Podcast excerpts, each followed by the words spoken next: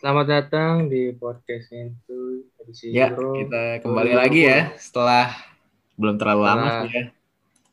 Tapi ini Setelah sebelum episode, konten kita agak bergeser. ini episode yang tertunda ya sepertinya karena hype-nya udah lumayan Udah mulai menuju puncak. Iya. Ini kita memberikan ya rek- recap kali ya. Recap Dari lah. awal mungkin ada hal-hal yang nyeleneh atau yang yang random Hal-hal lah menarik pokoknya. Ya. Ada apa nih pertama-tama nih? Kita lihat dulu yang asik-asik, yang seru-seru nih. Grup neraka. Yoi, ini viral banget ya. Gimana tuh Jadi grup itu neraka nih? di grup Prancis terdapat tiga wakil grup neraka. Ada ada Prancis, ada Jerman, ada Portugal, dan satu lagi Hungaria sebagai kuda hitam. Nah ini Dan surprisingly akhirnya Hungaria ya. Ya, Hungaria not bad tuh mainnya. Iya. Dan mereka ya Cuman kurang beruntung aja sih lawan Orang Prancis. beruntung saja ya. Harusnya tuh lawan Prancis bisa menang ya kan. Lawan Jerman juga bisa menang tuh. Iya. Jerman bisa Dua out. sama ya. Iya. Nah ini eh, ngomong-ngomongin grup neraka nih kan mereka pasti punya pertandingan berat ya. Selalu match day-nya tuh berat. Melihat Hungaria juga Iya. ternyata unexpectedly bisa bisa kayak gitulah mainnya. Dan di babak 16 besar gak ada yang lolos nih perwakilan grup neraka nih. Ini gimana nih? Ya kalau menurut gua ini ya namanya juga pertandingan sepak bola nggak selalu misalnya yang lebih jago bisa selalu melenggang terus ke babak selanjutnya. Ada beberapa faktor juga ada kerja sama tim, ada stamina, ada back pelatih dan juga kalau kata guru saya ada faktor luck ya. Iya, siapa tuh gurunya? Yang ini, yang itu yang botak-botak sering ini. main di agensi-agensi gitu deh. Ada 18 plusnya. Iya, ini kayaknya kurang istirahat ya. Jadi nggak bisa rotasi juga sih. Kayak Prancis lawan Hungaria aja kayak gitu kan mainnya Hungaria, lawan Jerman Hungaria juga gitu. Karena Ya, juga di iya. sini yang Portugal juga matchday pertama lawan Hungaria juga ngegas kan, makanya pengen menang Iya. banget Portugal, makanya nggak ada yang bisa rotasi sih, jadinya capek semua. Resiko sih apalagi ada beberapa negara yang pemainnya kena covid seperti Portugal Iya. dengan Cancelo dan menurut gua kehilangan Cancelo juga itu pengaruh apalagi gantinya Mas Mas Semedo Cancelo ya. alias Samedo Buta map, buta map. iya ngasal nggak bisa nggak bisa main deh kasihan si Ruben Dias kasihan gitu gue ngeliatnya kerja Rodi dia di kanan nih kan jadi orang-orang kira Ruben Dias cuman one season Iya. wonder aja ya padahal itu juga ada faktor lainnya kelihatan kan badutnya Ruben Dias karena ada Semedo biasanya main sama John Stones Cancelo ya kan ini Pepe Semedo benar dan di sini tiga-tiganya masuk ya ada Iya. Jerman ada Prancis dan Portugal juga eh, peringkat tiga terbaik dari grup Sebenarnya, iya. potensial. nggak ada kejutan sih sebenarnya Hungaria cukup mengejutkan dari sisi permainan tapi dari segi hasil sih expected gitu. Benar. Nah Ya, masalahnya cukup di menarik lah. iya masalahnya di 16 besar nih anyap semua nih. Ada tanggapan gak nih? Ya balik lagi ke persaingan dari Euro ini juga sangat menarik. Waktu itu tahun tahun beberapa tahun lalu juga ada beberapa negara kuda hitam. Jadi ini kalau menurut supporter sepak bola lama ini sudah suatu kemakluman ya, ada sebuah kejutan dan sebuah ajang Iya. Nah, kita Nah. beranjak ke grup sebelah ya. Ada Itali nih dari grup A yang secara impresif bisa ngeraih tiga kemenangan, nggak kebobolan, GD-nya 7. Ini Iya. Itali dan sekarang ke final nih dia. Ini ada sedikit insight nggak mengenai Itali ini? Italia ini eh, selain catatan cukup bagus juga menurut saya ini tim-timnya juga masih belum masih belum bisa dibilang sebagai uji ujian ya seperti mungkin Iya, Belanda. iya bisa sih. iya. Jadi jalan Italia ini mulus sekali. 6, 6 pertandingan kalau salah 6 kemenangan. Eh, kemenangan atas Turki 3-0 juga menaklukkan Swiss 3-0 dan diakhiri dengan kemenangan kepada Wales 1-0 ya. Ini membuat Nah, iya. Italia menjadi puncak di grupnya. Nah ini gue ada statistik dikit nih. Eh Italia unbeaten di 33 pertandingan terakhir, 27 kemenangan, 6 kali seri. Dan sekarang masuk ke final. Ini sebuah catatan sih melihat ya Italia kan siapa sih yang nonton Serie A gitu kan, Liga Bapak-Bapak kan. Dan secara impresif mereka berhasil membuktikan diri lah dengan dari grup mainnya bagus walaupun tim-timnya sekali lagi juga kayak gitu dan Turki juga Iya. banget sih ntar Ini- ntar, iya ntar kayak Sama kayak bahas Belanda kasusnya. iya. ntar kayaknya kita harus bahas dikit mengenai Turki nih yang hype-nya Iya. gede dan Italia sekarang Kalau- ke final ya eh, good luck lah buat Italia Ya di sini ada beberapa komponen bagus ya kayak kipernya Donnarumma masih Iya. Darjik dan masih masih kelas tinggi lah. backnya Eh, juga di tuh tengah backnya backnya juga sudah berpengalaman Chiellini. tapi mungkin kurang di speed ya Bonucci dan Celini dan Iya. kita tahu juga ada bintang baru tapi cedera itu Spinazzola yang harus digantikan. Nah, iya tuh, Di itu juga Lorenzo, impresif mainnya bagus kan banyak asis dan menurut Iya. gua yang jadi catatan tuh Bonucci Chiellini sih mereka udah di usia usia tua ya kan seperti wine ya semakin tua makin jadi iya semakin bagus. iya dan itu mungkin itu- karena iya. karena kebanyakan eh, tim yang dilawan juga kurang memanfaatkan kecepatan karena bola-bola tinggi mereka juga sudah Hmm. Iya. Mungkin kalau dan ini mungkin kurang. ini ya mematahkan stereotip pemain FIFA ya kalau back tuh pace-nya harus di atas 80 gitu baru jago Iya. ya kan ini Bonucci Chiellini pace-nya berapa anjing dan 30 Mancini kali ya pinter memanfaatkan kualitas dari Iya. back yang sudah tua dan tidak Hmm. berstamina lagi. positioning Dan juga- komunikasi juga iya. penting gitu kan Karena Italia itu kalau nggak salah ngapainnya ngapain counter attack ya, ngapain tiki taka iya counter attack. Selain back juga kita lihat di sini ada peran dari lini tengah yang sangat krusial ada Jorginho, Verratti dan Barella. iya Kita itu juga menurut gua dari klub hmm, yang besar. gelandang yang kelas sih menurut gua Jorginho ya kan walaupun kayak gitu tapi ya udah punya Jorginho kita lihat pengalaman dan juga Verratti Champions kan. bersama. Chelsea ya. Hmm.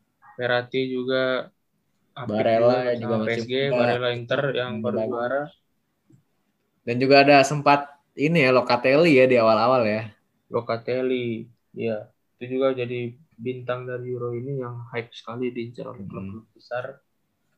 Di depan juga ada trio, ada ini pemain veteran Lorenzo Insigne ya, Insigne Dan Immobile. Immobile. dan mungkin yang Chiesa. baru mungkin Chiesa. Menurut gue Chiesa ini bagus, cuman mungkin ketutup Ronaldo ya.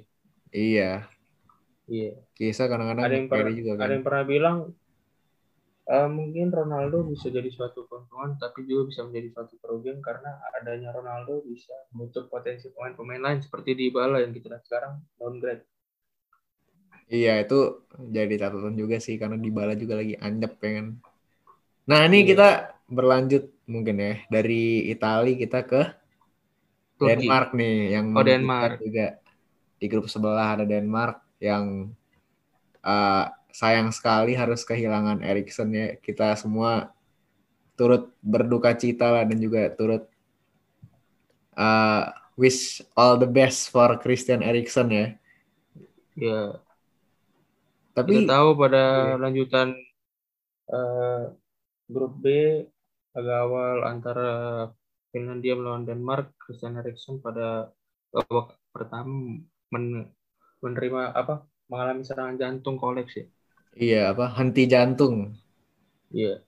Nah ini dan surprisingly Denmark tuh malah ini loh, malah bagus mainnya. Yang tadinya Erikson mungkin menurut gue Erikson satu-satunya bintang kali ya yang bisa membangun serangan dan juga ada kreativitasnya.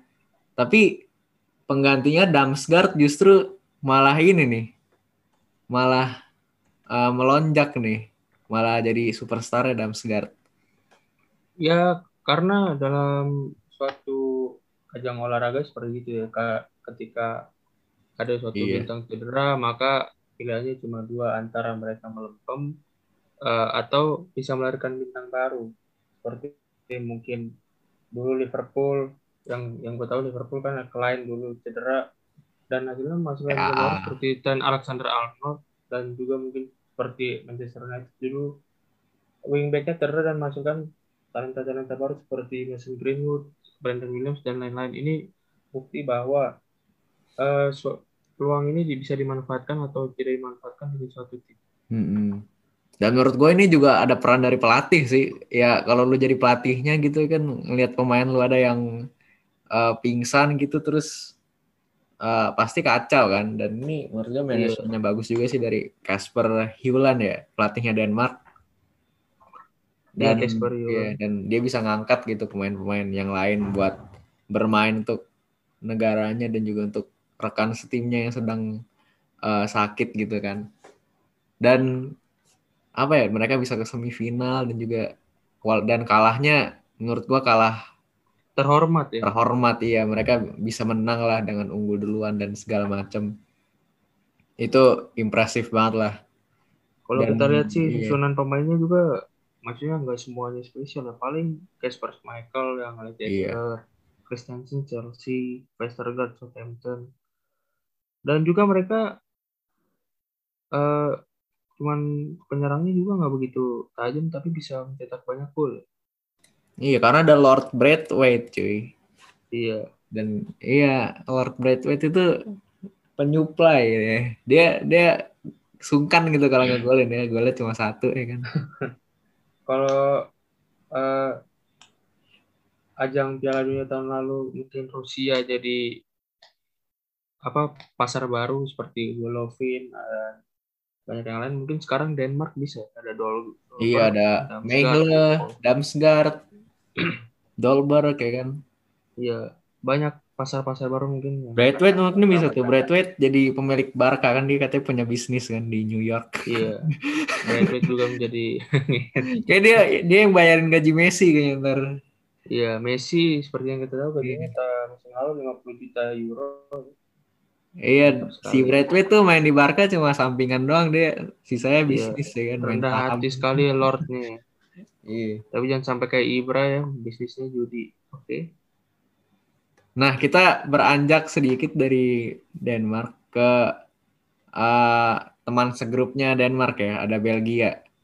Dan ini uh, sudah jadi perbincangan dari beberapa tahun lalu dari Piala Dunia lah, dari mungkin kayak Eropa sebelumnya dan mereka tuh punya bintang-bintang yang superstar semua gitu loh dari segala lini. Tapi prestasinya nggak ada nih. Ya, kalau kita lihat Belgia ini kayak lahan subur yang perlahan-lahan hanyut karena sudah dibangun-bangun gedung-gedung, jadi kualitasnya jadi sudah semakin menurun seperti dulu ada Kompani, masih ada Nah, iya. Uh, Vertonghen masa muda, Hazard yang masa muda dan Lukaku. Alderweireld, iya. Vermaelen dulu masih muda ya kan. Ya, dan sekarang cuma ada Denayer ya yang center backnya. Sama Den Donker bisa sih dia main di center back kan. Tapi ya, ya masih belum mateng gitu loh. Mainnya juga rata-ratanya masih 30 tahun ya. Mungkin Boyata juga sudah 30 tahun. Iya, Boyata juga udah tua ya. Denayer saja. Denayer, Den Donker dan ya mereka Mungkin mereka harus mikir ada generasi sih dari segi ya, belakang ya. Belgia dan Masih.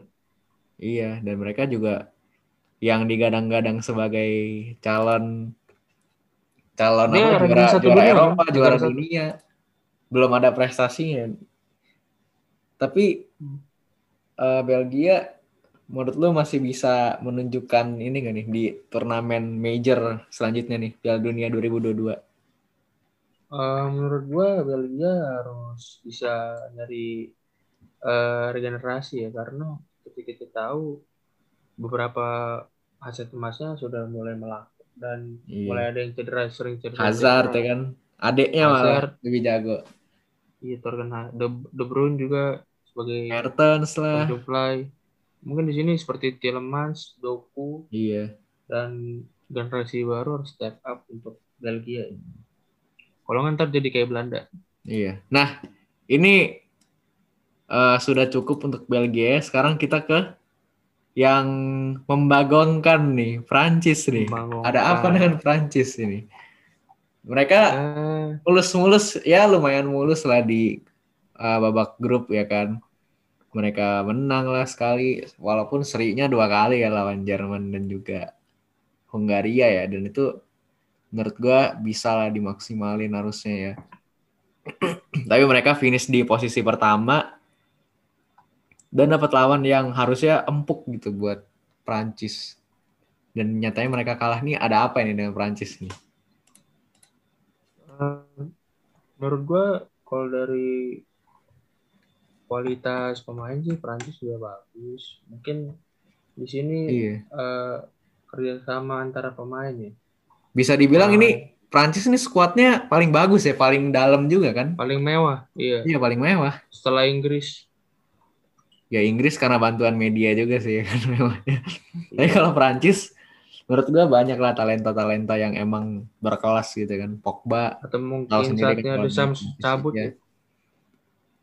Nah ini eh, menurut lu kan tadi ada kerjasama ya memang kan.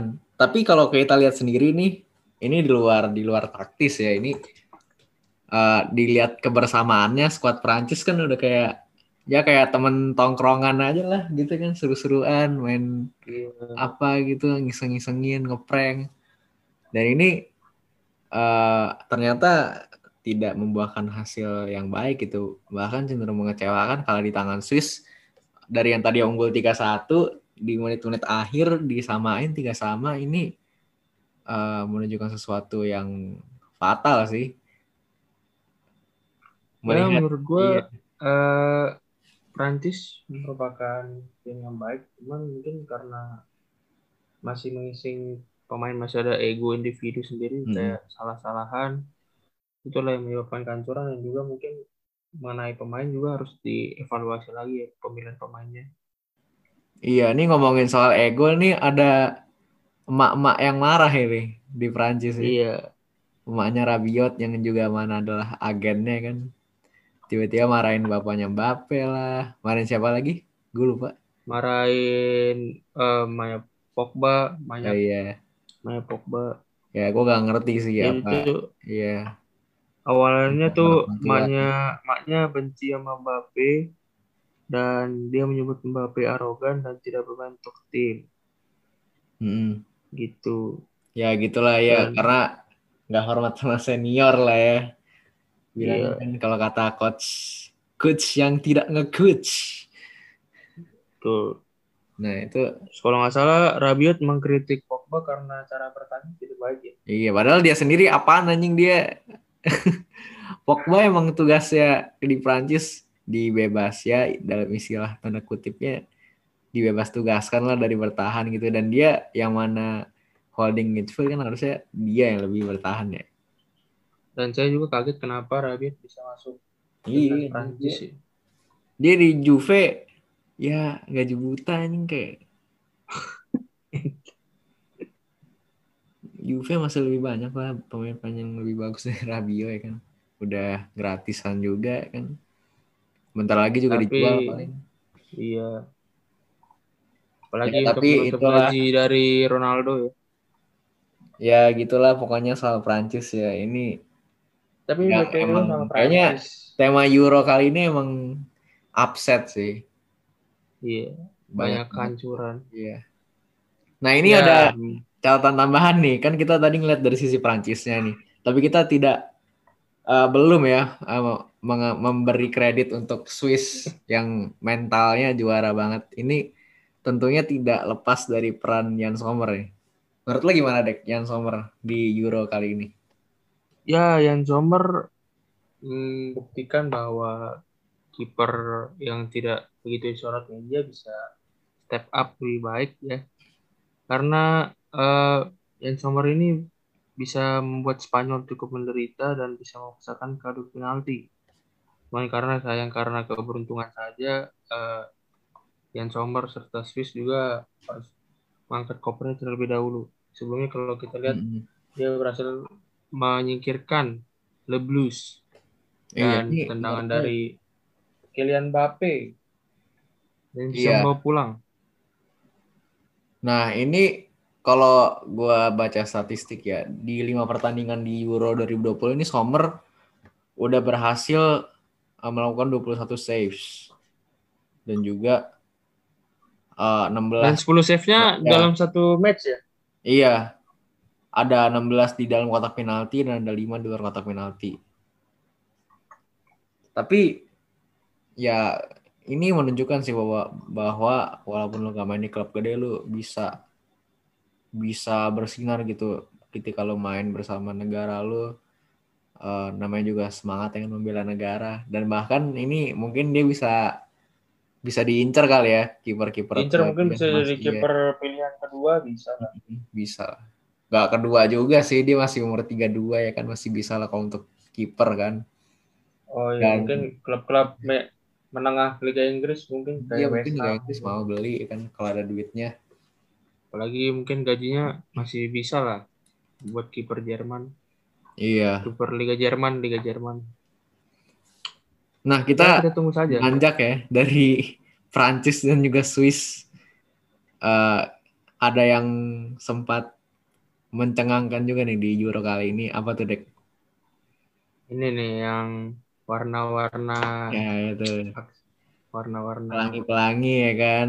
Ragil ragil. kaum ragil. Nah yeah. ini gimana sih ini? Uh, tanggapan lu mengenai ini?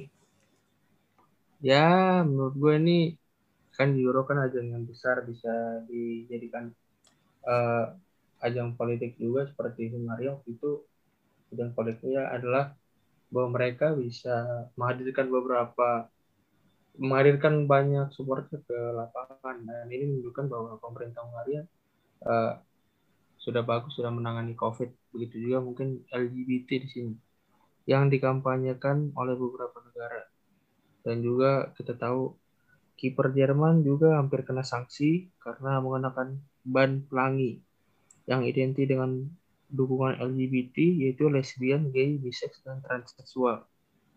Nah ini sempat ada yeah. ini juga kan kayak di Hongaria kan sempat melarang bukan sempat melarang sih udah mengesahkan undang-undang uh, eh, LGBT yang uh, membuat itu jangan dipromosikan untuk anak-anak dan gue setuju sih ya kalau lu mau uh, mendukung lu menjadi kaum LGBT ya kalau di negara Eropa ya siapa yang bisa ngelarang tapi kalau untuk anak-anak ya kan kan mereka masih kecil gitu dan masih belum bisa yeah. menentukan pilihannya sendiri dan kalau dari kecil dari cekokin pengampuan ya. ya. Kalau dicekok di dari kecil dari cekokin kayak begituan kan bahaya gitu kan. Dan ya bisa iya. mempengaruhi pikiran iya, anak iya. depannya.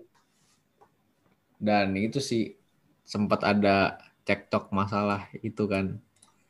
Nah ini kembali iya. lagi ke uh, pemahaman agama dan kepercayaan masing-masing ya. Kalau dari gua sih gua kurang setuju ya dengan apa yang dilakukan Jerman dan lain-lain.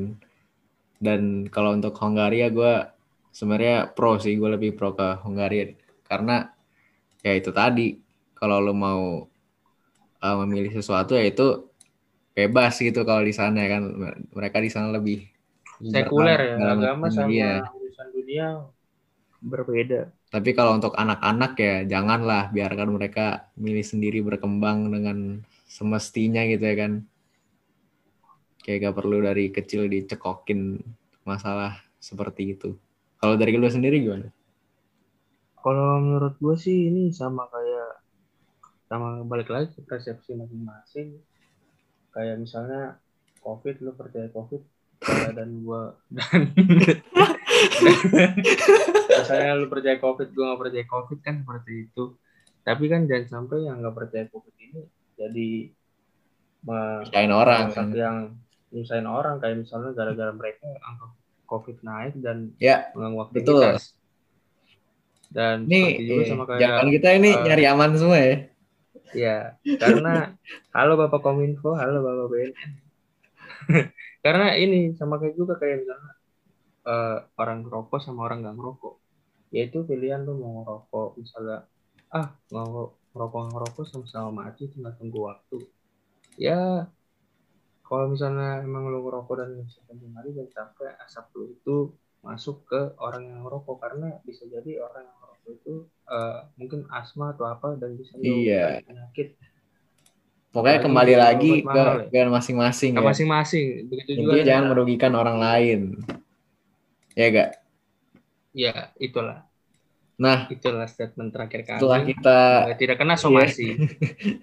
setelah kita Eh, beranjak dari hal-hal yang tidak berhubungan dengan sepak bolanya. Ini kita kembali lagi ke bahas bolanya nih. Kita mau bahas Spanyol nih.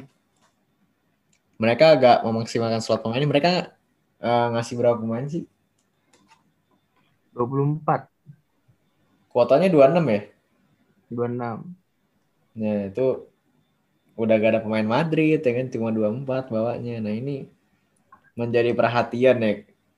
Dan di awal-awal emang kelihatan sih mereka belum terlalu padu skuadnya.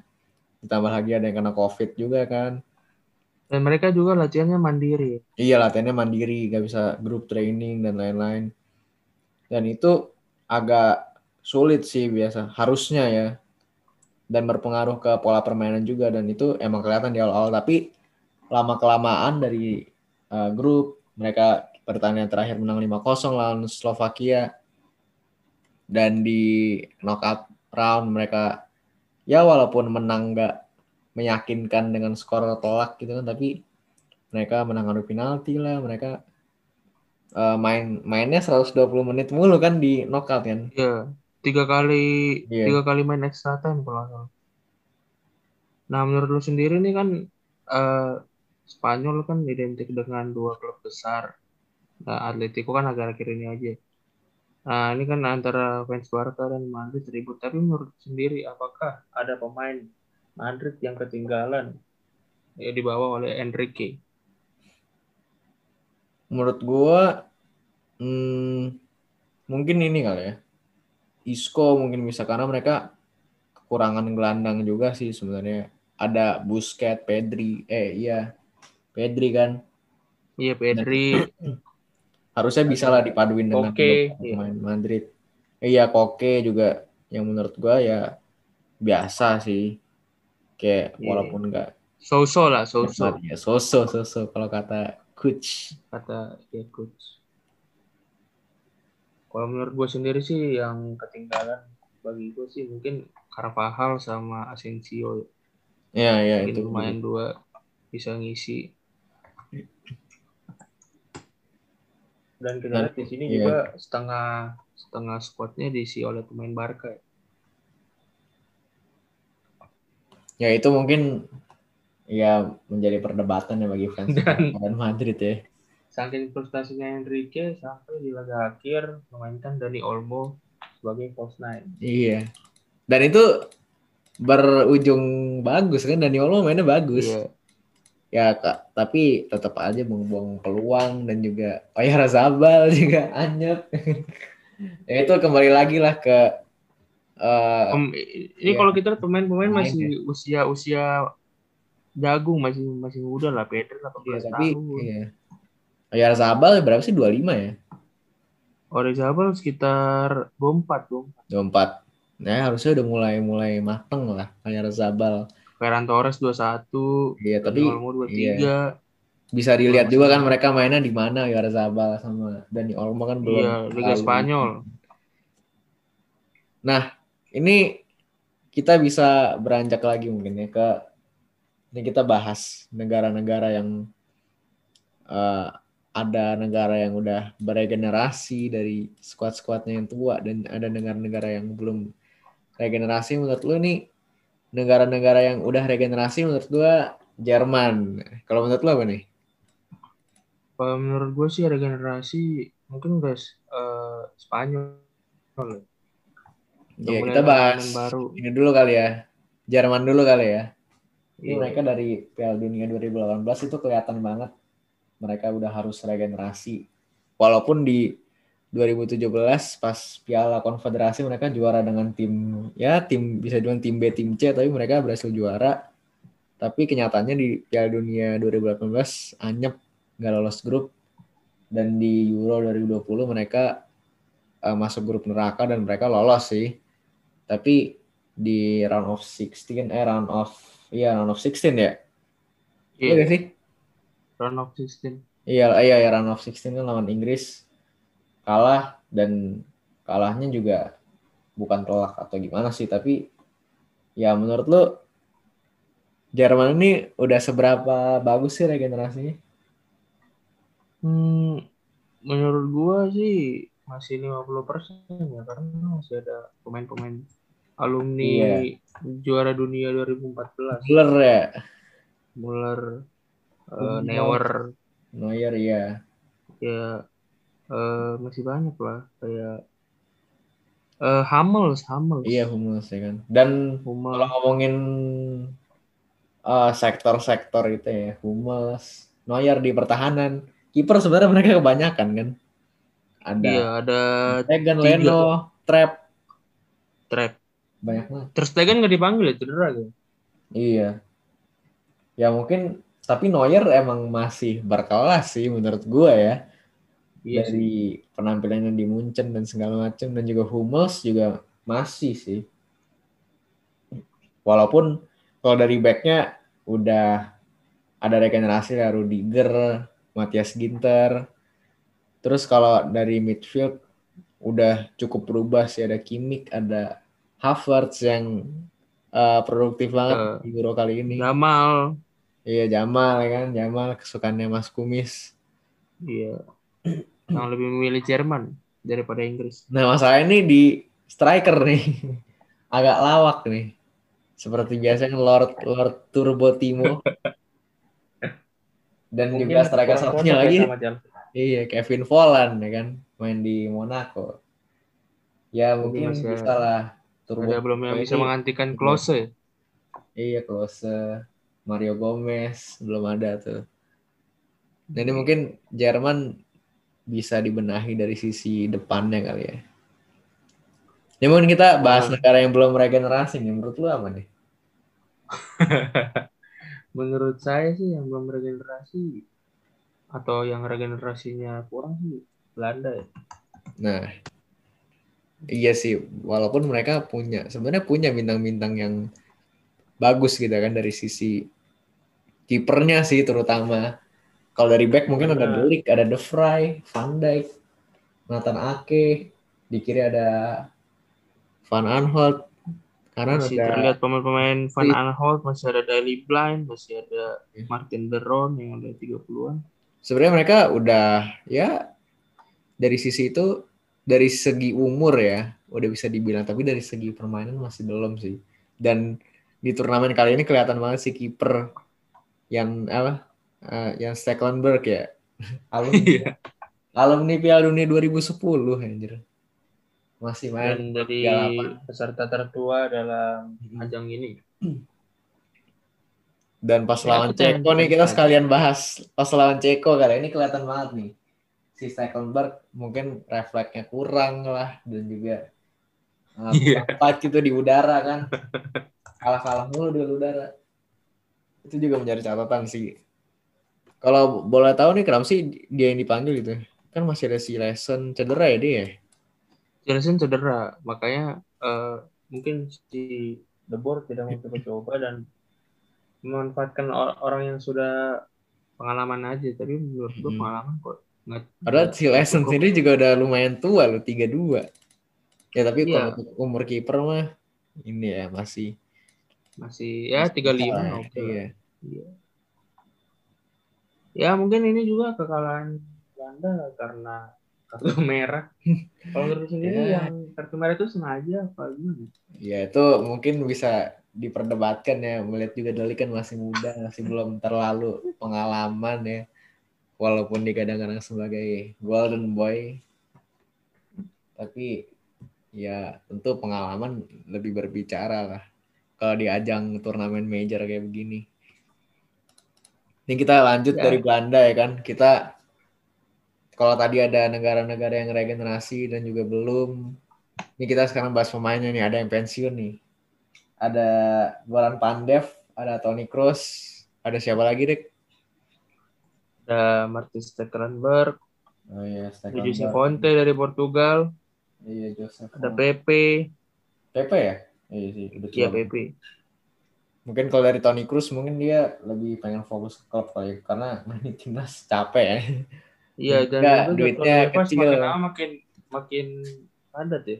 Walaupun kalau lo menang trofi sama timnas tuh lebih lebih jos Beda pride ya. rasanya ya lebih Iya. karena lu turnamennya lebih susah lu jarang main bareng sama rekan-rekan senegara lu dan Toni Kroos udah menangin itu semua sih Iya udah. Iya, ya menurut udah. wajar-wajar aja sih kalau dia pensiun kan dia udah menangin semua Eh, Piala Dunia Dan mungkin ngasih ke kesempatan. Havertz dan kawan-kawan. Nah itu dan selanjutnya ada Goran Pandev ya yang menjalankan yang mengantarkan negaranya ke uh, turnamen major pertama dan sekaligus ini menjadi pertandingan terakhir melawan Belanda ya di kancah internasional. Ya menurut gua dia walaupun gua baru denger ya dia di Makedonia kali ini. Iya. Kalau menurut lo sendiri gimana? Ya Makedonia Utara beruntung punya striker seperti Goran Pandev juga membantu Iya. serang mereka dan juga mungkin setelah ini bisa jadi staff dari tim Makedonia Utara dan mungkin bisa mempersiapkan ke Piala Dunia. Nah, iya tuh. Piala Dunia mungkin bisa tampil reguler ya di Ya mungkin dari Piala Dunia U18 Mm-mm. dari U ya Nah, kita beranjak ke kalau tadi pemain-pemain yang udah pensiun nih, sekarang kita ke youngster-youngster yang dari yang bocil ini yang mulai mencuat namanya di Euro 2020. Pertama nih siapa nih? Phil Foden mungkin ya? Phil Foden bisa. Phil umur Foden, ada 21 ya. Jamal. Masih Jamal. Musiala mungkin kurang ya, kurang jam terbang Kurang- kayak di Euro. Karena Mungkin kurang ya. dikasih kepercayaan sama Low. Iya karena grupnya pak ribet kayak gitu kan. Iya. Baru Dan yang paling- diturunin pas sudah kalah. Mm-mm. Dan yang paling mengesankan nih Pedri sih menurut gue dia passing akurasi 100%, 55 passing, 55 berhasil. Terus eh, di ajang semifinal eh, turnamen major Euro lawan Italia ini sebuah statistik yang membagongkan ya untuk seorang bocah berusia 18 tahun. Menurut lu sendiri Sebenarnya gue gimana? pernah. Sebenarnya gue udah lama ngeliat Pedri ini bagus dan gue sebenarnya penasaran kalau Ansu Fati dalam kondisi 100% bakal jadi gimana ya. Spanyol gitu kan dengan kecepatannya. Dan Pedri ini eh, Barcelona juga harus mempersiapkan perpanjangan kontrak karena tahun depan udah habis. Iya. Jadi bakal jadi rebutan klub-klub dan juga Barcelona masih struggle sama keuangan dan ngurus-ngurus Iya Messi terus. masih susah gua, duit ya kan. Iya paling bener lepas itulah. aja sih Messi. Iya. Join venture aja sama perusahaannya Brad White nah. Bayarin dong gaji Messi, gaji Pedri, ya kan? Iya, banyak kontrak nih. Lu jadi staff deh di Barcelona. PR bagi Barcelona untuk bisa memper... Ansu Fati juga kalau nggak salah tahun depan udah udah habis. Iya. Nah, udah diincar semua itu udah. Obral. Sayang sekali sih kalau gratis ya. Ini agak out of topic sedikit. Mungkin menurut lu Messi stay apa out aja? Kalau lu misalnya fans Barcelona nih, Oh kalau gue fans Messi stay, tapi kalau gue pemilik kayaknya Messi out aja karena bisa ba- bangkrut pak. Ya, tapi gue bingung kebanyakan sama sama kebanyakan fans Barcelona ya. Mereka tuh lebih ngefans sama Barca apa Messi-nya sih? Kalau mereka Nah ini menurut gue kayak kasus Iya. Ronaldo, Ronaldo di Madrid. Hmm, Ronaldo pindah, fansnya ikut pindah, ya kan? Iya. Menurut gua kalau orang yang emang orang lokal sana yang emang udah cinta sama kotanya, sama klubnya Barcelona, mungkin demi kebaikan klubnya sendiri dan juga kebaikan Messi kali ya. Messi mungkin Dan udah menurut gue nggak banyak yang concern akan Iya. keuangan sih. Mm-mm. Ya, yang penting menang-menang harus dipertahankan karena Messi juga kan pemain satu apalagi- kali dalam 10 tahun mungkin. Apalagi fans-fans Indonesia ya kan menang-menang, beli jersey juga KW, nonton juga Iya. bajakan streamingnya kagak ada kontribusinya gitu sama klub Di ya. Brotherland belinya. Ya itu masih topic lah. sedikit ya. ya. Mungkin kita balik lagi nih. Yang jadi catatan di. Euro kali ini adalah top skor yang mencengangkan yaitu gol bunuh diri ini gimana nih? Sebenarnya juga saya agak kaget dengan yang top score bukan Ronaldo tapi gol bunuh diri karena ini berarti menunjukkan defense dari tim-tim ini agak kurang. ya. Iya. yang paling juga keja kejair bunuh diri. Yang paling ini sih menurut gua ini si Dubravka sih. Nampol bola ke gawang sendiri itu gimana ya? Masalah dia main bagus gitu kan terus tiba-tiba dia kayak gitu sama on goalnya Pedri anjing. Kenapa bisa gitu anjing? Ke sini gue bacain dulu ya beberapa bunuh dirinya. Eh, Mary Demiral waktu itu lawan Italia. iya. Denis Zakaria, tuh. Denis Zakaria Swiss lawan Spanyol. Pedri, Pedri, Dubravka Masih lagi. Jurat Kutska, Ceko lawan Iya, Spanyol, Kutska. Dubravka, Chesney, Ceko lawan Chesney. Spanyol. Chesney yang bolanya mantul di tiang Ya. tuh terus kena punggungnya masuk ya. Chesney, Polandia lawan Slovakia, Ruben Dias, Portugal lawan Jerman, Hummels, Jerman lawan Prancis, Radeki, Finlandia lawan Belgia, dan Kejair terakhir. Total ada berapa on goal sih? Saya ingat saya ingat gue ya dari Euro tahun Euro pertama tahun 60-an sampai Euro 2016 itu ada 9 on goal, tapi di Euro 2020 ini udah 10 Iya. lebih nih. Anjing ini gimana ini? Ya, anjing. ini menandakan mungkin kelelahan juga ya. Iya, Karena karena iya sih, karena masih nuansa-nuansa pandemi ya, masih dan ya nggak ada karena latihan juga kan. Mungkin sekalian aja Iya. kali yang non on goal kita bacain. Ada Cristiano Ronaldo di dengan 5 gol dan Patrick Schick dan disusul Harry Kane dan Romelu Lukaku, Benzema dan Forsberg dengan 4 gol dan ada Dolberg, Sterling, Wijnaldum, Hmm. Lewandowski, Morata, dan Shakir dengan 3 gol. Nah, menurut aja udah out ya di, akan- iya. Iya. di 16 besar. yang masih sisa gitu. yang masih sisa tuh Kane sama. Sterling ya. Iya. Dari Itali Menurut gak ada ya? siapa nih? Menurut lo bakal Ronaldo dan Cik atau ada Menurut gua ini sekalian mungkin ke ini ya di prediksi final ya. Menurut gua agak sulit sih untuk Harry Kane dan juga Sterling ya. Mereka berapa? Tiga gol ya? tiga gol? Berarti kalau harus kalau mau ngalahin Ronaldo harus tiga gol lagi kan? Agak tapi tapi kalau misalnya misalnya gini terus yang dapat sepatu dua orang apa gimana? Nah, itu gua kurang tahu tuh kalau di kalau di Apa dihitung sama asis kan? Iya, apa apa dihitung penalti juga kan? Gua kurang tahu sih sebenarnya. Tapi misalnya nih kalau pengen pasti menang Golden Boot kan harus hat trick kan Tiga. itu susah. Kecuali mungkin ada Lawannya juga faktor Italia kan, seperti kartu merah dua orang atau kartu merah satu orang. Tuh. Lawannya juga Italia yang maksimal kebobolan itu satu doang gitu. Tapi Inggris satu juga kan ya? Iya, Inggris baru lawan kemarin free kick kan? kebobolannya, Iya. Nah, ini bisa jadi clash yang ini sih, yang defensif pertarungan pertahanan sih menurut gue. Ini sekalian bahas ini kali ya dari final. Eh, menurut lo Inggris gimana nih? Masuk final, terus mainnya di Wembley mulu kecuali pas lawan Ukraina ya kan. Sekalinya pergi juga lawannya Ukraina. Dan mereka ngadepin tim yang tim yang di atas kertas besar tuh cuma Jerman nih gimana nih?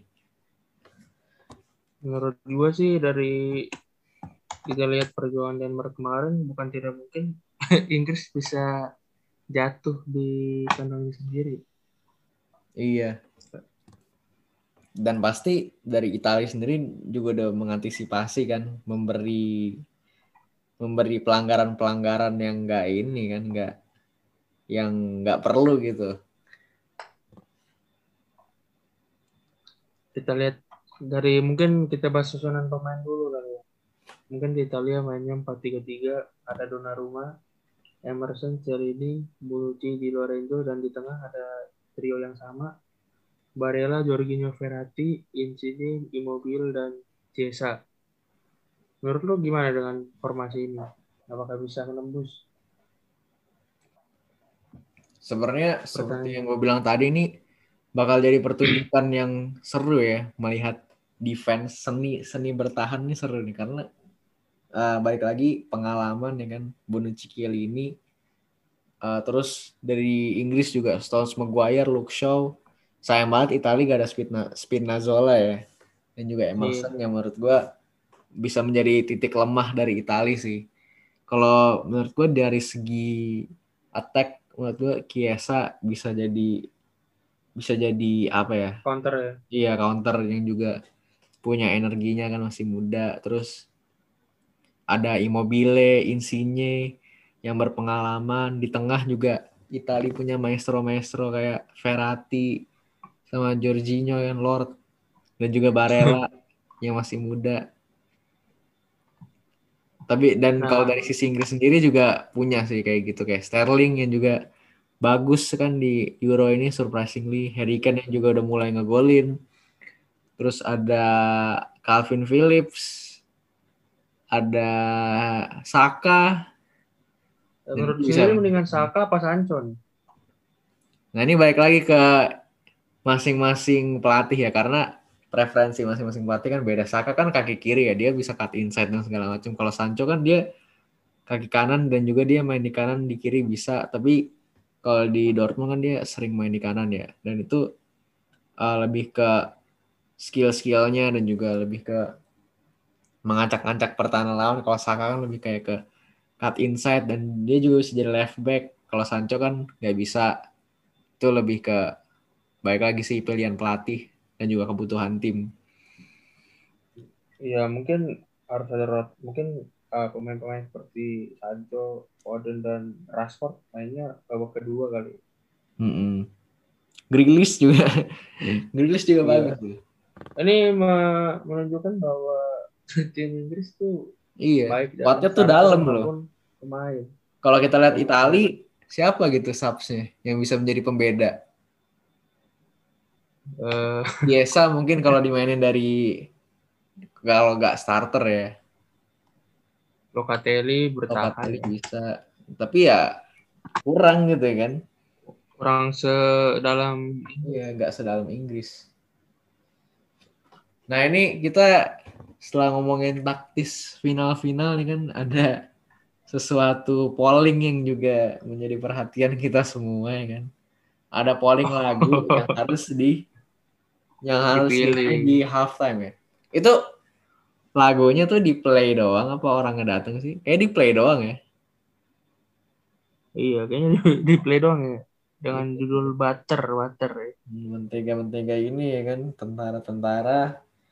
Ya, jadi sebenarnya pihak Euro juga nyari ituan ya, karena ya. uh, nyari nyari traffic, memanfaatkan tentara-tentara ini. Tolong kita tidak ada niatan untuk menghina kami cinta damai ya. Kami cinta damai. Kami tidak suka keributan. Kami pengen hidup tenang. Kami pengen podcast ini berjalan terus ya kan? Entah sampai kapan. kami tidak mau ada somasi.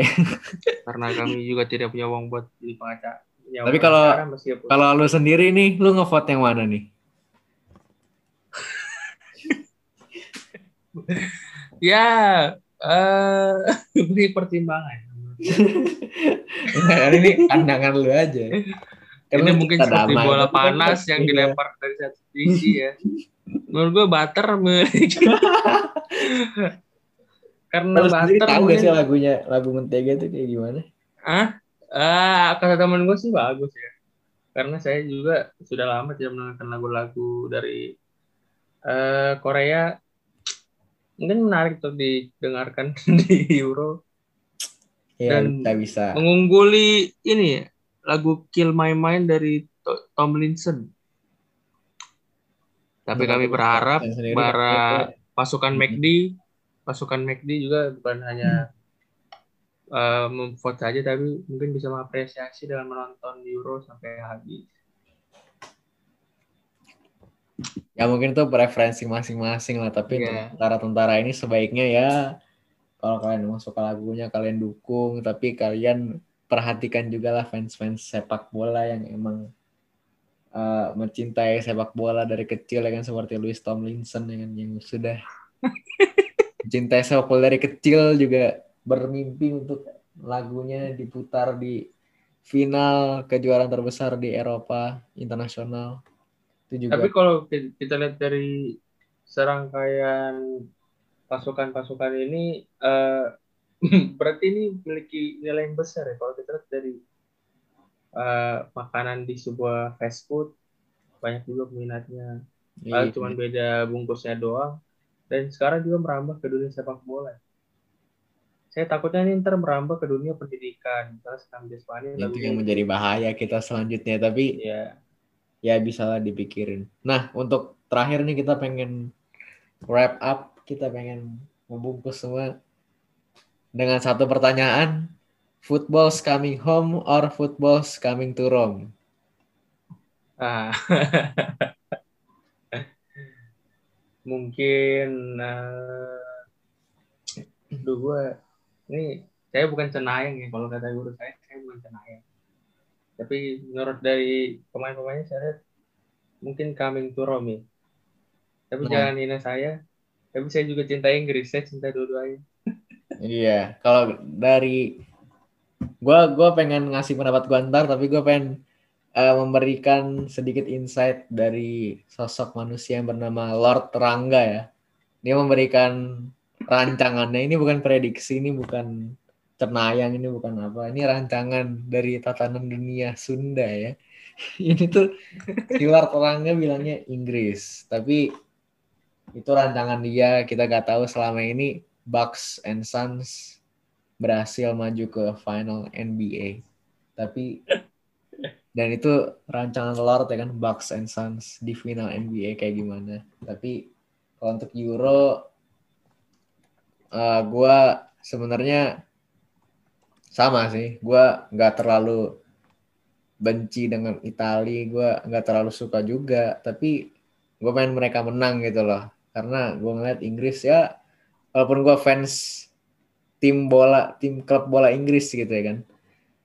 Tapi mm, melihat uh, ego dari medianya lah dari apanya lu bayangin kalau Inggris juara ntar Twitter kayak gimana isinya ya kan. Iya, repost, kayak repost. Gimana, pusing banget gue ya kan.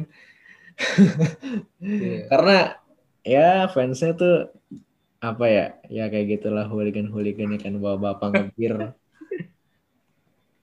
ya mungkin bisa lah uh, diturunin sedikit egonya baru boleh juara lah jangan terlalu ini ngelihat mereka di piala uh, waktu itu gue kurang mantengin sosmed ya pas mereka kalah di semifinal Piala Dunia dan itu udah heboh banget football coming home ya kan? Dan seketika senyap tuh. Uh, hilang semua football coming home itu gue juga kesel dengan ungkapan-ungkapan Calvin Phillips the Yorkshire Pirlo. Itu apaan anjing? Kayak hidungnya Pirlo itu lebih besar dari karirnya Calvin Phillips ya. ada yang bilang he's not a Yorkshire Pirlo but he's the whole Milan midfield. Ya udahlah turunkan dulu lah egonya baru kalian boleh juara lah. Tapi kalau misalnya Inggris juara nih gue gak terlalu gimana gimana sih ya. Gue turut happy dengan Marcus Rashford, Luke Shaw yang juga Maguire yang juga ikut berkontribusi dalam uh, timnas Inggris sih. Dari lu ada penutup mungkin Uh, penutup dari gue sih mau football coming home, mau football coming to Rome, yang pasti football coming to our home. Iya. Karena kita nonton di rumah. Iya. Jaga jarak, cuci yeah. tangan dan selalu patuhi prokes. Iya itu pesan-pesan dari kita semua ya selama masa ppkm darurat ini kan kita patuhi lah protokol kesehatan gak usah nongkrong uh, perlu kami mohon maaf apabila dalam penyampaian materi ada pihak-pihak yang tersinggung, kami tidak bermaksud untuk menyinggung. Kami sini cuma untuk menyampaikan materi saja. Ya, seperti itu saja dari kami ya. Selalu Iya. patuhi 5M dan juga stay safe semuanya, stay positif. Jangan takut divaksin. Iya, jangan takut divaksin. Walaupun kita belum ya. Iya. Eh, stay apa ya? Stay healthy, stay happy. Jangan stres-stres Iya. lah. Sampai tanggal 20 ini PPKM darurat 10 hari lagi. Tetap ceria, jangan narkoba, jangan ganja. jangan narkoba ya kan. Jangan aneh-aneh lah pokoknya. Oke? Oke, siap. Isi dari kami. Thanks for listening. Anjay. Peace.